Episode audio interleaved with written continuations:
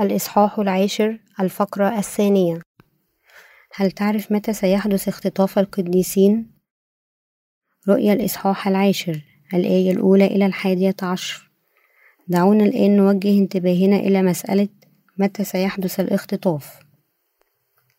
هناك العديد من المقاطع في الكتاب المقدس تتحدث عن الاختطاف. يحتوي العهد الجديد على العهد على العديد من المقاطع التي تناقش ذلك. وكذلك العهد القديم حيث يمكننا أن نجد على سبيل المثال إيليا الذي صعد إلى السماء في مركبة من النار وإخنوخ الذي صار مع الله وأخذه. كما يتضح يتحد يتحدث الكتاب المقدس عن الاختطاف في أماكن عديدة. الاختطاف يعني أن ترفع إنه يشير إلى رفع الله شعبه إلى السماء بقوته. ومع ذلك فإن الأمر الأكثر إثارة للحيرة في الكتاب المقدس هو أيضا مسألة الاختطاف هذه. متى يرفع الله شعبه؟ هذا السؤال عن وقت الاختطاف هو أحد الأسئلة الأكثر شيوعا في المسيحية. دعونا ننتقل إلى تسالونيكي الأولى الإصحاح الرابع الآية الرابعة عشر إلى السابعة عشر. ونرى ما قاله الله لنا من خلال الرسول بولس لأنه إن كنا نؤمن أن يسوع مات وقام فكذلك الراقدون بيسوع. سيحضرهم الله أيضا معه. فإننا نقول لكم هذا بكلمة الرب. إننا نحن الأحياء الباقين إلى مجيء الرب لا نسبق الراكدين لأن الرب نفسه بهتاف بصوت رئيس ملائك ملائكة وبوك الله. سوف ينزل من السماء والأموات في المسيح سيقومون أولا. ثم نحن الأحياء الباقين سنخطف جميعا معهم في السحب لملاقاة الرب في الهواء وهكذا نكون كل حين مع الرب. في يهوذا الأول الإصحاء الآية الرابعة عشر الله يخبرنا أيضا ونتنبأ عن هؤلاء أيضا إخنوخ السابع من آدم قائلا هوذا قد جاء الرب في ربوات قديسيه القديسون بعبارة أخرى سوف يرتفع إلى هنا إلى الهواء مع صوت بوك الملاك ويبقى في الهواء لفترة ثم ينزل على الأرض مرة أخرى مع ربنا. هذا هو الوصف الكتابي للاختطاف. السبب في أننا نظرنا إلى المقاطع العالية مسبقا هو أن الرؤية العاشر يخبرنا متى سيأتي الاختطاف كما ذكرت من قبل فإن المقطع الأساسي من هذا الإصحاح موجود في الآية السابعة بل في أيام صوت الملاك السابع متى أزمع أن يبوق يتم أيضا سر الله كما بشر عبيده الأنبياء. هذه الآية هي المفتاح للإجابة على جميع أسئلتنا واستفساراتنا حول الاختطاف لأنها تخبرنا متى سيحدث الاختطاف. يرسل الله ملاكا عظيما إلى يوحنا في الرؤيا ويظهر ما سيفعله من خلال هذا الملاك من خلال جعله يتصرف كما لو أن الرب أتى إلى الأرض. رفع هذا الملاك يده إلى السماء وأقسم بالحي إلى أبد الآبدين الذي خلق السماء وما فيها والأرض وما فيها والبحر وما فيه. ألا يكون زمان بعد. يعني عدم وجود مزيد من التأخير أنه لم يعد هناك سبب للتأخير. تعني ليس هناك زمان. إن عدم وجود وقت بدوره يعني أنه في يوم تبويق الملاك السابع سيتحقق سر الله كما أعلن الله لعبيده الأنبياء. من ضربات الأبواق السبع عندما يبوق البوق الأخير سيدخل العالم في ضربات الجامات السبع كما أن ندرك أنه بحلول ذلك الوقت. لن يكون هناك وقت متبقي لهذا العالم على هذا النحو. تشير كلمة الله في الآية السابعة أنه في أيام صوت الملاك السابع متى أزمع أن يبوك يتم أيضا سر الله كما بشر عبيده الأنبياء. إلى وقت الاختطاف في موضع آخر. قال بولس أيضا أن الاختطاف يحدث بصوت الملاك وبوك الله. هذا ما كان يقصده بولس. وهذه هي نقطة البداية لجميع مواضع ذكر الكتاب المقدس الأخرى للاختطاف أيضا. بل في أيام صوت الملاك السابع متى أزمع أن يبوك يتم أيضا سر الله كما بشر عبيده الأنبياء. تخبرني هذه الكلمة أن اختطاف القديسين سيحدث عندما يبوق الملاك السابع بالبوك ويرفعهم إلى الهواء عندما نشر خدام الله إنجيل الماء والروح للأرواح الضالة. نزلت الروح القدس فعليا على قلوب المؤمنين الذين قبلوا الإنجيل الحقيقي وأصبحوا في الواقع أبناء الله. كلنا سواسية بالنسبة لنا أن الاختطاف سر الله سوف يتحول أيضا إلى حقيقة ويرفع القديسون في الهواء. وبعد ذلك سيدمر الله هذا العالم تماما من خلال سكبه آخر ضربات الجامات السبعة. ويحضر ملكوت الله على هذه الأرض حيث سنحكم مع المسيح لألف عام. ثم ينقلنا إلى السماء والأرض الجديدتين حيث نعيش إلى الأبد. بعد أن أخبر يوحنا عن الاختطاف القادم أمره الله أن يأكل الكتاب المقدس الصغير ويتنبأ مرة أخرى. إن أهم درس يجب أن يعلمه خدام الله للقديسين الذين يعيشون في هذه الأيام الأخيرة هو حدث الاختطاف. ووقته بالضبط يجب أن يعلموا هذه الدروس بمصطلحات كتابية سليمة. يجب عليهم أيضا أن يبشروا بدقة بإنجيل الماء والروح. هذا ما يجب على خدام الله وقديسيه الذين يعيشون في آخر الزمان أن يفعلوه. وهكذا عهد الله إلى القديسين بهذه الأعمال وكشف لهم سره. يخبرنا الله أنه لن يتأخر بل يتمم أعماله دون أن يفشل. عندما يحين الوقت سيحقق الله كل شيء. في الإصحاح الحادي عشر تظهر شجرة الزيتون أي نبيان؟ هذان الخادمان اللذان يرمز لهما شجرة الزيتون. سيقتلان على يد ضد المسيح في قتاله ضده. لكنهما سيقيمان من الموت مرة أخرى ويختطفان في ثلاثة أيام ونصف.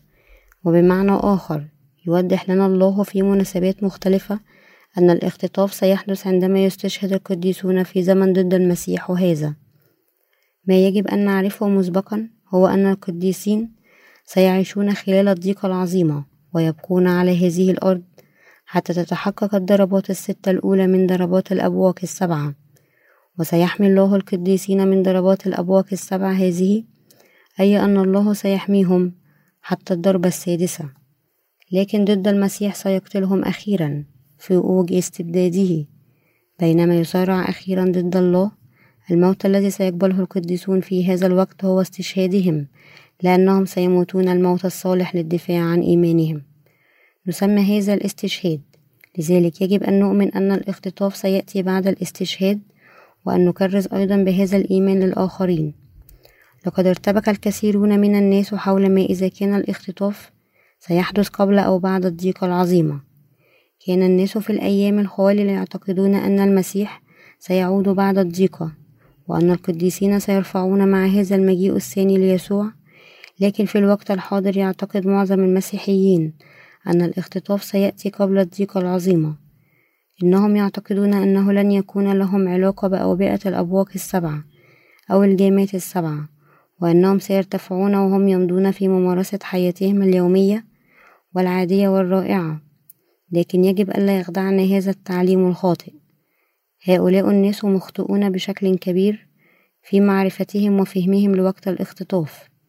مع اقتراب آخر الزمان ستتراخى تقواهم ويختفي إيمانهم. عندما أخبرك أن الاختطاف سيأتي في منتصف الضيقة العظيمة فأنا لا أقول هذا لأجعلك أكثر تقوى. أريدك فقط أن يكون لديك فهم واضح لوقت الاختطاف وأن تهرب من التعليم الخاطئ للاختطاف قبل الضيق. لأنه في الآية السابعة يخبرنا الله بالتفصيل بل في أيام صوت الملاك السابع متى أزمع أن يبوق يتم أيضا سر الله كما بشر عبيده الأنبياء. عندما تسكب ضربات الجيمات السبع على عكس ضربات الأبواق السبعة السابقة سوف تسكب واحدة للأخرى باستمرار. نحن القديسين يجب أن ندرك ذلك. رؤيا الإصحاح السادس عشر الآية الأولى إلى الثانية تخبرنا. وسمعت صوتا عظيما من الهيكل قائلا للسبع الملائكة امضوا واسكبوا جامات غضب الله على الأرض. فمضى الأول وسكب جامع على الأرض فحدثت دمام خبيثة وردية على الناس. الذين بهم سمة الوحش والذين يسجدون لصورته. ثم يأتي سكب الجامات المتبقية على التوالي بعد هذه الضربة الأولى. كما لو كانت الضربات في وضع التيار الآلي حيث تقوم الملائكة السبع بإفراغ جاماتهم الواحدة للأخرى دون أي صوت للأبواق أو شيء آخر. وبعبارة أخرى من خلال سكب الجامات السبع على التوالي سوف يدمر الله هذا العالم تماما. لماذا؟ لأن كل شيء سينتهي بسكب ضربات الجامات السبعة التي تدخل جميعها مجتمعة في ضربة البوق السابع عندما تأتي ضربات الأبواق السبعة هناك على الأقل بعض فترات التوقف بين ضربة واحدة والأخرى ولكن مع ضربات الجامات السبع لا يوجد مثل هذا الصمت لأن هذه الضربات من الجامات السبع محجوزة للحظة الأخيرة بعد أن تتم ضربات الأبواق السبع بالترتيب. عندما ينطلق البوق الأخير ينتقل العالم لمستوى جديد تماما حيث ينتهي كل شيء. لهذا سجلت رؤية الإصحاح الحادي عشر الآية الخامسة عشر إلى الثامنة عشر. ثم بوق الملك السابع فحدثت أصوات عظيمة في السماء قائلة قد صارت ممالك العالم لربنا ومسيحه فسيملك إلى أبد الآبدين.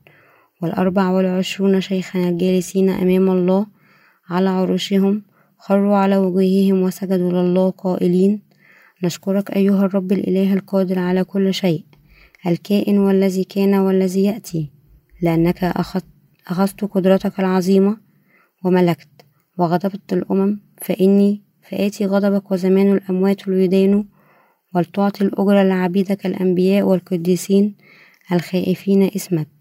الصغار والكبار وليهلك الذين كانوا يهلكون الأرض. قيل هنا أنه عندما بوق الملاك السابع سمعت أصوات عالية قائلة قد صارت ممالك العالم لربنا ومسيحه فسيملك إلى أبد الآبدين. لكن لا يوجد ذكر للضربة لماذا؟ لأنه فور سماع صوت البوق السابع لم تحدث الضربة السابعة بل الاختطاف سيقيم الله ويرفع القديسين. سوى أولئك الذين لا يزالون على قيد الحياة أو الأموات بالفعل. وعندما ينتهي الاختطاف سوف تسكب ضربات الجامات السبعة ويدمر العالم تماما. إذا أردنا معرفة متى سيحدث الاختطاف بالضبط علينا فقط أن ننظر لكلمة الله الموجودة في رؤيا الإصحاح العاشر الآية السابعة. من المؤكد أن سر الله سينتهي في هذا الوقت كما أعلن لعبيده الأنبياء. يشير سر الله هنا للاختطاف ليس اختطاف أحد بل القديسين. هنا أقدم مقطعا آخر لأوضح لك الفهم والإيمان الصحيح مرة أخرى.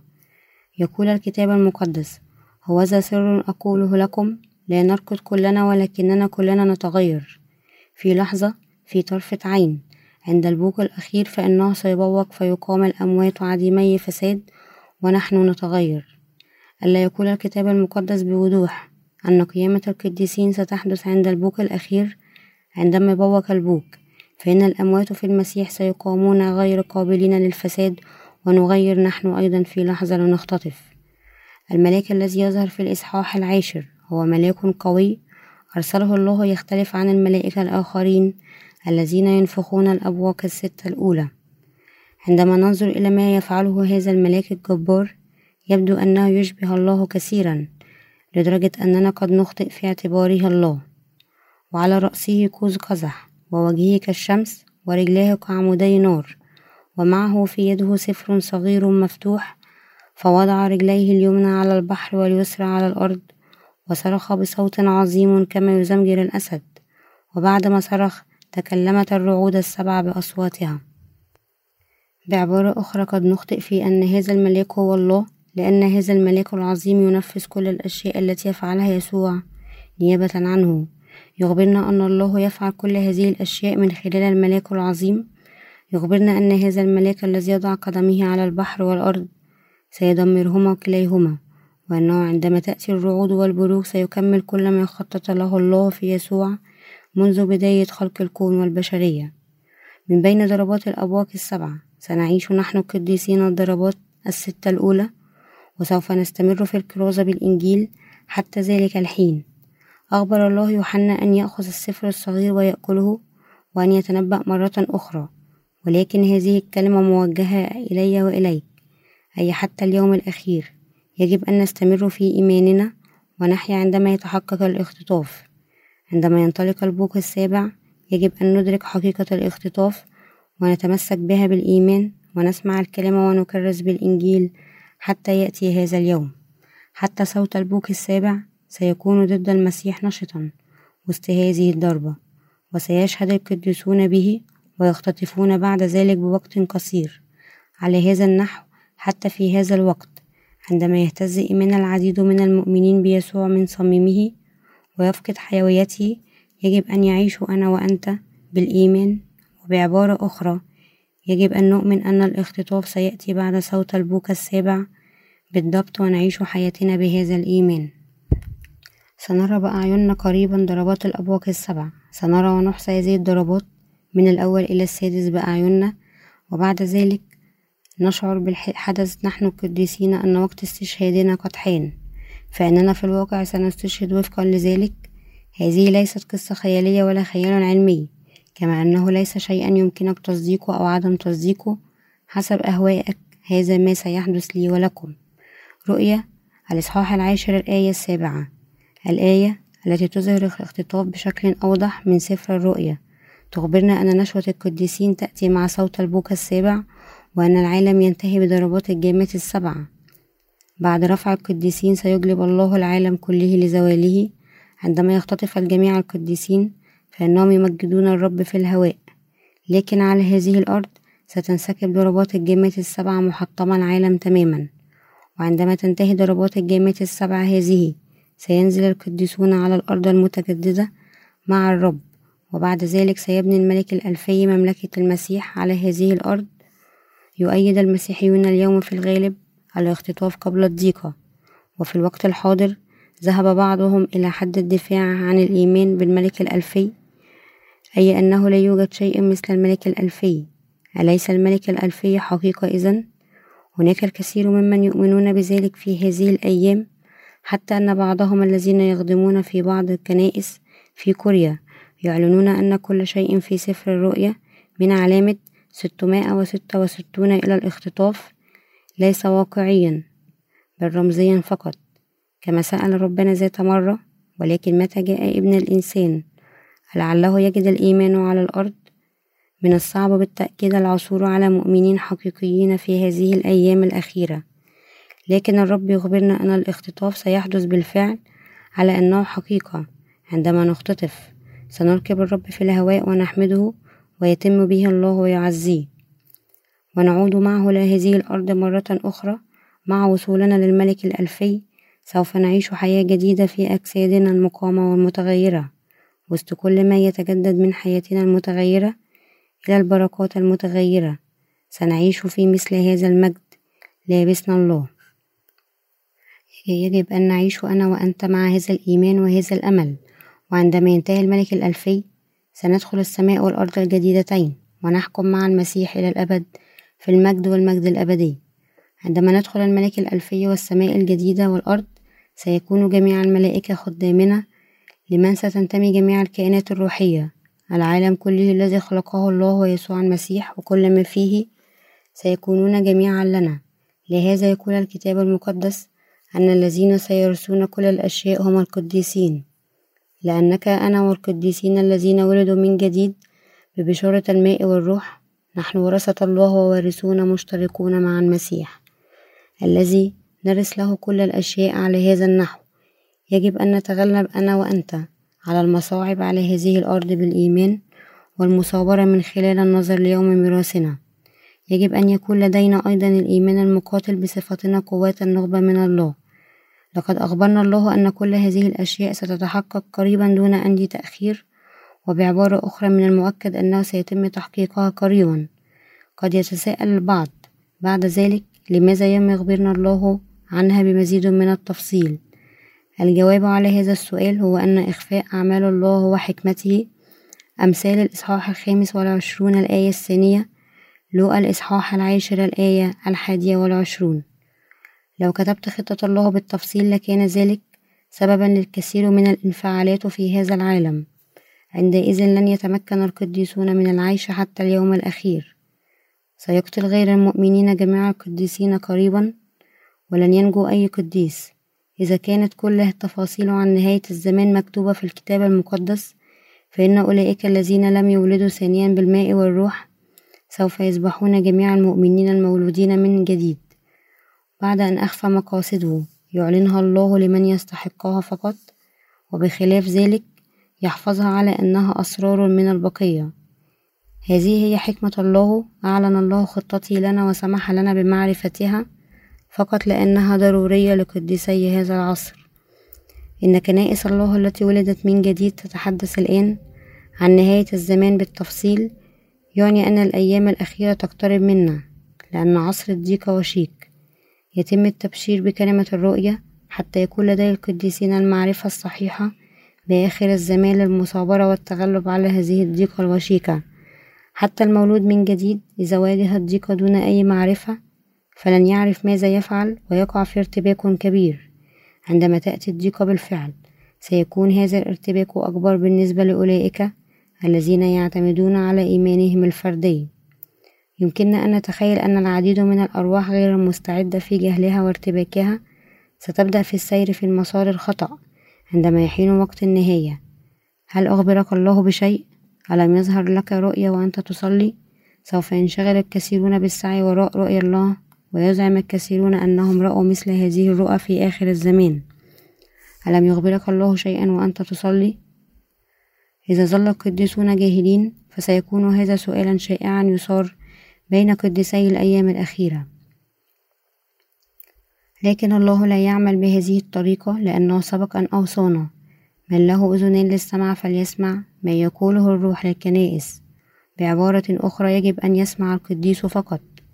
ما يقوله الروح القدس من خلال الكنائس لأن الروح القدس الذي يضمن كلمة الله يشهد ما هو حقيقي وصحيح.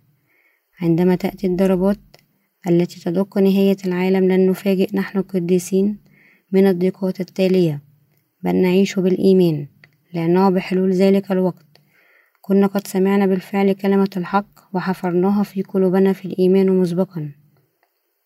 هذا هو السبب في أن يوحنا كشف لنا ما سيحدث في المستقبل ولماذا يكرس خدام الله بالحق. في حدود هذه الكلمة المكتوبة ليس التنبؤ سوى معرفة والتبشير بما سيأتي من كلمة الله المكتوبة الإدعاء برؤية رؤى في الأحلام أو الصلاة ليس كذلك. لا تنسى أبدا أن الاختطاف ستأتي بالفعل وأننا قديسي الله. ولا تنسى أنك أصبحت الآن قديسا. سيكون مع المسيح في الهواء عندما يأتي الاختطاف والذي سينزل إلى الأرض المتجددة مرة أخرى ليعيش لألف عام ويعيش إلى الأبد في السماء والأرض الجديدتين. إذا سمعت أشخاصا يتحدثون عن الاختطاف قبل الضيق أو بعد الضيق أو يزعمون أنه لا يوجد ملكوت ألفية على الإطلاق فقل لهم الحقيقة بالإشارة إلى المقطع الذي ناقشناه. يجب أن تحليهم أيضا إلى تسونيكي الأولى الإصحاح الرابع وكرونسوس الأولى الإصحاح الخامس عشر وتخبرهم أن الرب سينزل مع صوت الملاك وتبويق آخر بوق ويرفع القديسين في الهواء ليكونوا معه. فقط عندما تؤمن بهذا الاختطاف يمكنك الدفاع عن إيمانك. للاختطاف يجب أن يكون هناك استشهاد بالإيمان وقيامة الجسد لأن الاختطاف سيأتي في نفس الوقت مع القيامة بمجرد قيامتنا. سوف نختطف ونرتفع إلى الهواء. لذلك فإن الاختطاف والقيامة هما نفس الشيء. المشاركة في القيامة الأولى تعني العيش مع الرب في الملك الألفي والاختطاف يعني العيش مع الرب لألف عام على هذه الأرض. لماذا إذا نختطف؟ لأن الله سيدمر كل شيء على هذه الأرض من خلال سكب ضرب جامات السبعة أي أنه يختطف القديسين مسبقا ليخلص أبنائه من ويلات النهاية هذه لفصل القديسين عن الخطاة ولإظهار وجهتهم المختلفة سيختطف القديسون على هذا النحو. يجب أن نؤمن بكل هذه الأشياء في الاختطاف وقيامتنا واستشهادنا. بالنسبة للبعض يتم الكشف عن إنجيل الماء والروح بالتفصيل بينما يظل بالنسبة للآخرين سرا مخفيا تماما. وبالمثل فإن استشهاد القديسين وقيامتهم واختطافهم وحكمهم على الملك الألفي والسماء الجديدة والأرض كلها من أسرار الله فقط للمولود من جديد كشف الله هذه الأسرار وأظهرها وبجعلهم يؤمنون بهذه الأسرار الأسرار. فقد مكنهم من عيش آخر الزمان والتغلب على الصعوبات بأملهم في الاختطاف وملكوت السماوات. أنت وأنا يجب أن يكون لدينا هذا النوع من الإيمان وبدون هذا النوع أي بدون الاعتقاد بأننا سنختطف وأننا نعيش في السماء والأرض الجديدتين وأن الرب سيقيمنا من بين الأموات. عندما يذبحنا ضد المسيح ويختطفنا أسمح لنا أن نسكن في الهواء ثم نعيدنا إلى هذه الأرض لنحكم معه لألف عام ونكون قادرين على المصابرة خلال الحياة الصعبة. والمحبطة لهذا العصر الأخير. للقديسين حلم جميل ولا يستطيع أحد غير ربنا. تحقيق هذا الحلم. بدون هذا الأمل سنعيش فقط في حزن ومعاناة في هذا العالم المحبط. قال بولس لتلموساوس أن يحتفظ بالشيء الجميل الذي ائتمنه عليه. هذا الإنجيل جميل وكذلك استشهادنا وقيامتنا والاختطاف والعيش في الملك الألفي والسماء الجديدة والأرض. هذه كلها أشياء جيدة وجميلة إنهم ينتمون إلى القديسين فقط وهم جميعا إيمان ورجاء يمكن تحقيقهما. وليسوا أوهام أوهاما أو تخيلات هذه هي رجاؤنا وإيماننا الذين أعطاهم الرب. مع الإيمان بكل هذه الأشياء. يجب أن نعيش هذه الحقبة على أمل اليوم الذي سيأتي فيه الملك الألفي والسماء الجديدة والأرض إلينا. ولكن الذين سيتم اختطافهم ليسوا سواء وأنا يجب أن نعيش بالإيمان. في انتظار اليوم الذي نختطف فيه للوقوف أمام الرب ونحكم في الملك الألفي والسماء والأرض الجديدتين. يخبرنا الله أن الذي سيأتي قريبا أن الضربات التي تأتي خلال النصف الأول من فترة السبع سنوات خفيفة للغاية وقصيرة الأمد هل استمرت الضربات طوال السنوات السبع للمحنة العظيمة؟ فكيف يمكن لأي شخص أن يتحملها؟ الضربات المبكرة قصيرة ومع اقتراب الوقت. من النهاية النهائية سيكون هناك الكثير ممن يمكن رؤيته. عندما يأتي وباء البوكة السابع سيصل إلى نسبة مذهلة. عندما يحاول الشيطان زعزعة إيمان القديسين سيقدم أمثلة من بعض قادة الكنيسة بقتلهم. قد يقول الشيطان سأنقذ حياتك إن أنكرت الله. حتى لو تحول العالم بشكل أفضل سيظل المرء يفكر مرتين في عرض الشيطان إذا من الذي في عقله ينكر الرب عندما يعلم جيدا أن الرب سيسكب ضربات الجامات السبع وأنه يخوض كل الآلام التي جلبتها جلبتها هذه الضربات؟ القديسون الذين يعرفون نهاية العالم لا ينكرون الرب ولا يخونون إيمانهم لأن الروح القدس في قلوبنا سوف يمنحنا الشجاعة. لأن كل خطة الله تتحقق بسرعة في نهاية الزمان فلن يكون هناك مجالا للملل. عندما تنتهي الضربات التي تدوم, تدوم قصيرا ستكون القيامة وبعد ذلك يأتي الاختطاف الذي يرفعنا للهواء. تخيل أن أجسادنا من الجسد تتحول إلى أجساد روحية تسبح الرب. في ملكوت الله يمكننا الاستمتاع بعالم مختلف تماما. جميل وأنيق لم نشهد مثله من قبل على هذه الأرض. نظرا لأن الأجساد الروحية خالية من قيود الزمان والمكان فإننا نعيش في عالم رائع ورائع حيث يمكننا الذهاب إلى أي مكان نريد. أقدم شكري الحقيقي لله على منحنا مثل هذه البركات العظيمة. أشكر الله على كشفه لنا بالتفصيل من خلال كلمته. الضيقة العظيمة وبائها واستشهادنا قيامتنا واختطافنا وأدعو الله أن تعيش قلوبنا دائمة بمعرفة هذا العصر الأخير والإيمان به.